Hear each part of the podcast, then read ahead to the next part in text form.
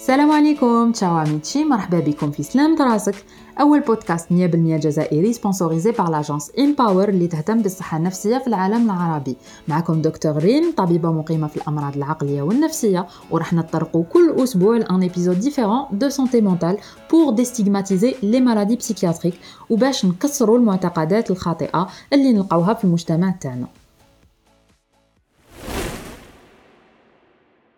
Docteur, est-ce que l'anxiété et le stress est quelque chose de normal القلق حاجة عادية ولا مرض صح وين تنعرف بلي القلق اللي عندي طبيعي ولا دخلت في المرض ولازمني نشوف ان بسيكولوج ولا ان بسيكياتر وزيد اسكو القلق معناتها الخوف اسكو لازم اوبليغاتوارمون نشرب دواء Dans cet épisode, nous allons éclaircir tous ces points pour bien comprendre le TAG, trouble anxieux généralisé. دونك سي كوا لا بور وشنو هو الخوف هو استجابه لحاله تاع خطر باغ اكزومبل نكون برا ونشوف ان غرو شيان جاي يجري مورايا راح نخاف اي سي اون رياكسيون تو افي نورمال بيان او كونترير يحتاجها الانسان لانه هي اللي راح تحميه من المخاطر اللي يقدر يواجههم في حياته دونك افوار بور سا ne veut pas dire être anxieux ou souffrir d'un trouble anxieux Quant à l'anxiété ou l'alqlaq, c'est une peur constante et des soucis excessifs injustifié يعني خوف كبير بلا ما تكون سبه باينه contrairement à la peur normale qui elle est justifiée et c'est pour ça qu'on parle de maladie des inquiétudes pour parler de troubles anxieux généralisés parce que la personne est tout le temps inquiète دايما مقلقه دايما خايفه كاش حاجه مش مليحه راح تصرى وكالعاده avant de parler des symptômes راح نهضر شويه على l'épidémiologie de ce trouble L'anxiété généralisée touche environ 5% de la population générale, c'est le trouble anxieux le plus fréquent parce que, je le rappelle, la famille des troubles anxieux a plusieurs pathologies. a le trouble panique, euh, attaque de panique, les les troubles phobiques, les euh, différents types de phobies ou les possibles un épisode, et le trouble anxieux généralisé, qui est le Donc, في كامل هاد les troubles anxieux, اضطراب القلق العام هو اللي نلقاوه لو بلوس. Il peut toucher tous les âges يعني الإنسان واش ما كان في عمره قادر يعاني من اضطراب القلق العام بصح c'est plus fréquent d'en souffrir aux environs de la trentaine et quarantaine. Il touche aussi plus les femmes que les hommes وهذا الشيء معروف جينيرالمون النساء يجيو مقلقين أكثر من الرجال.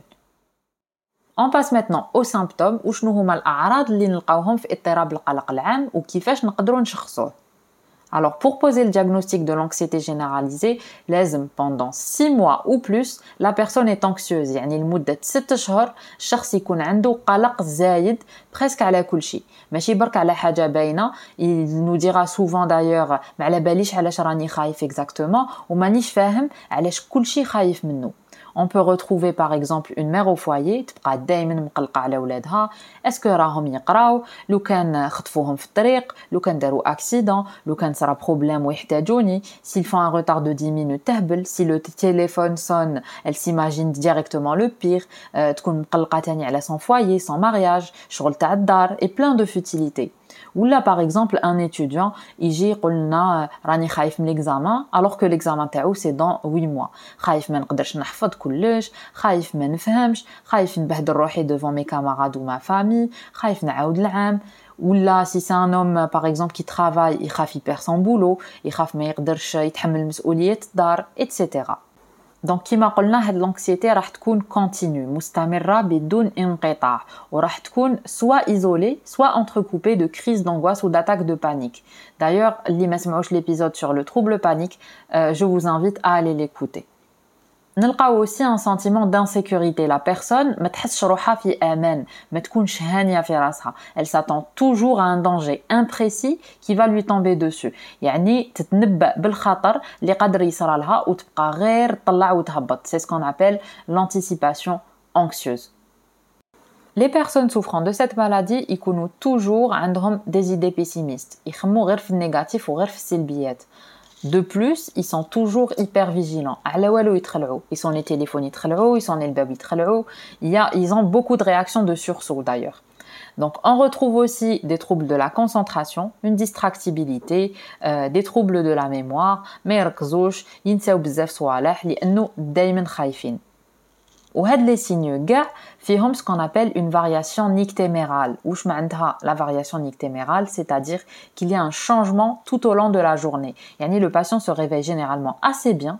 Ou l'après-midi, il يجيوه les symptômes ou يبقاو غير يزيدوا يزيدوا يزيدوا حتى يلحقوا le maximum le soir. Où l'anxiété ou le deviennent insupportables et insoutenables. هادو c'était les signes psychiques ou là الاعراض النفسيه اللي نلقاوها في le trouble anxieux généralisé كاين تاني الاعراض الجسديه les signes physiques هما نفسهم اللي نلقاوهم في نوبه الهلع la seule différence c'est la durée et l'intensité في نوبة الهلع la durée des symptômes ما تفوقش نص ساعة في أغلبية الأحيان Par contre, في اضطراب القلق العام, les signes, qui soient physiques ou la psychiques, يطولوا. C'est des heures et des heures. Quant à la fréquence, elle diffère aussi. L'attaque de panique, c'est très intense. Contrairement à l'anxiété généralisée, où les symptômes sont de moindre intensité.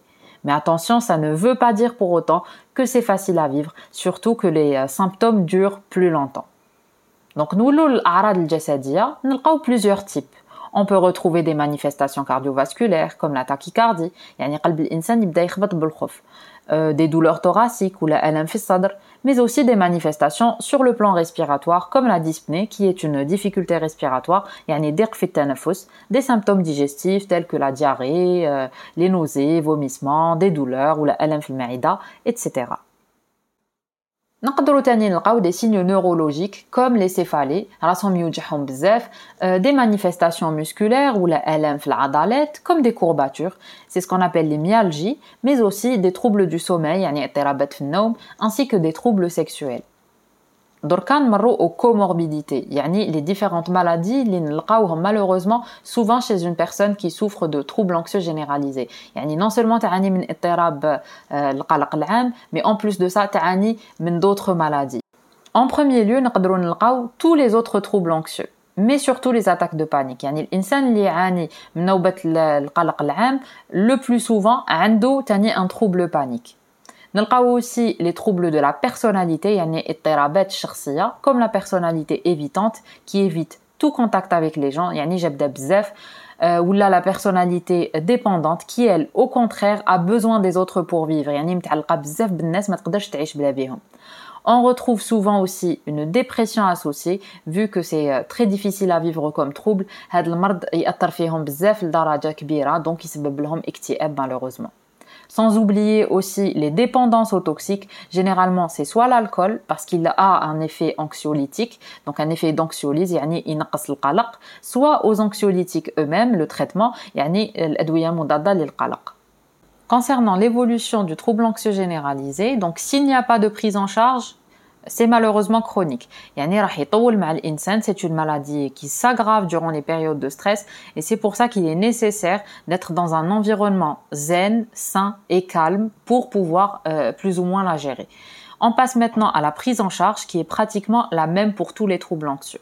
Il y a ce qu'on appelle euh, la psychoéducation ou ça veut dire qu'il faut informer notre patient et lui expliquer sa maladie. le traitement donc il faut par exemple qu'il arrête euh, ou qu'il diminue euh, les excitants tels que le sucre, le tabac, le café, il faut manger équilibré, bien dormir. car une bonne nuit de sommeil et une bonne alimentation diminuent considérablement le stress. Pareil pour l'activité physique, les sport ou la marche, il, doit changer d'air, il doit voir des gens, etc. Euh, le danger et le risque de l'automédication parce que c'est des patients qui généralement euh, donc il faut leur expliquer que l'usage des médicaments doit être suivi de près par un médecin et spécialement par le psychiatre. On ne traite pas une maladie cardiaque chez un psychiatre, tout comme on ne traite pas une maladie anxieuse chez un cardiologue ou autre. Donc le traitement doit être strictement surveillé avec des suivis, surtout les anxiolytiques, les benzodiazépines, comme euh, le quiétil ou l'exomil, euh, le dysanxia, le tranxène, temesta, etc. Les ont un effet de dépendance, c'est-à-dire idmen. Donc pour ce qui est du traitement, إذا اضطراب القلق العام يكون très difficile à vivre, si son intensité est sévère, il faudra entamer un euh, traitement à base d'antidépresseurs, يعني مضادات الاكتئاب.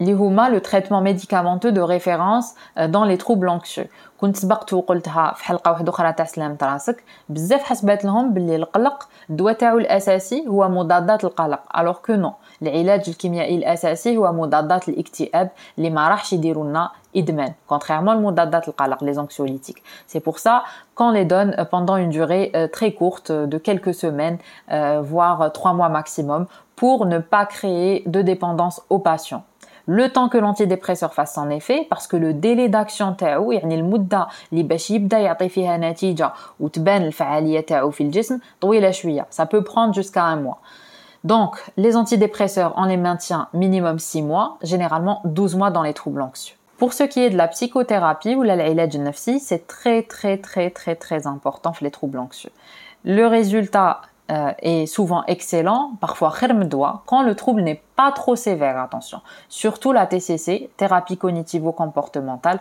ou l'ilaj solo qu'il m'arifi, déjà. On apprendra aux patients comment gérer leurs inquiétudes, ou zid, on leur montre des techniques de relaxation, etc. Il a, يكون الاضطراب تاعنا يكون trop sévère, là on pourra faire les deux, traitement plus psychothérapie, et les résultats sont géniaux. فوالا سيت ايبيزود توش على sa نتمنى الحلقة تاع اليوم عجبتكم وقدرتوا تستفادوا منها. إن شاء الله نكون وصلت لكم المعلومات بطريقة سهلة. على كل حال إذا عندكم أي سؤال حابين تطرحوه ولا كاش معلومة ولا حاجة ما فهمتوهاش ولا حابين تشاركوها معايا نزيتي با مو كونتاكتي سور مون كونت انستغرام دكتور ريد بيبرمنت دي ار بوين ريد بيبرمنت C'est tout pour aujourd'hui. نلقاكم الجمعة الجاية إن شاء الله. Même heure, même endroit pour un autre épisode très intéressant. À Slam Merci pour votre écoute et votre intérêt. Talla ou Feraskom ou Yamnash.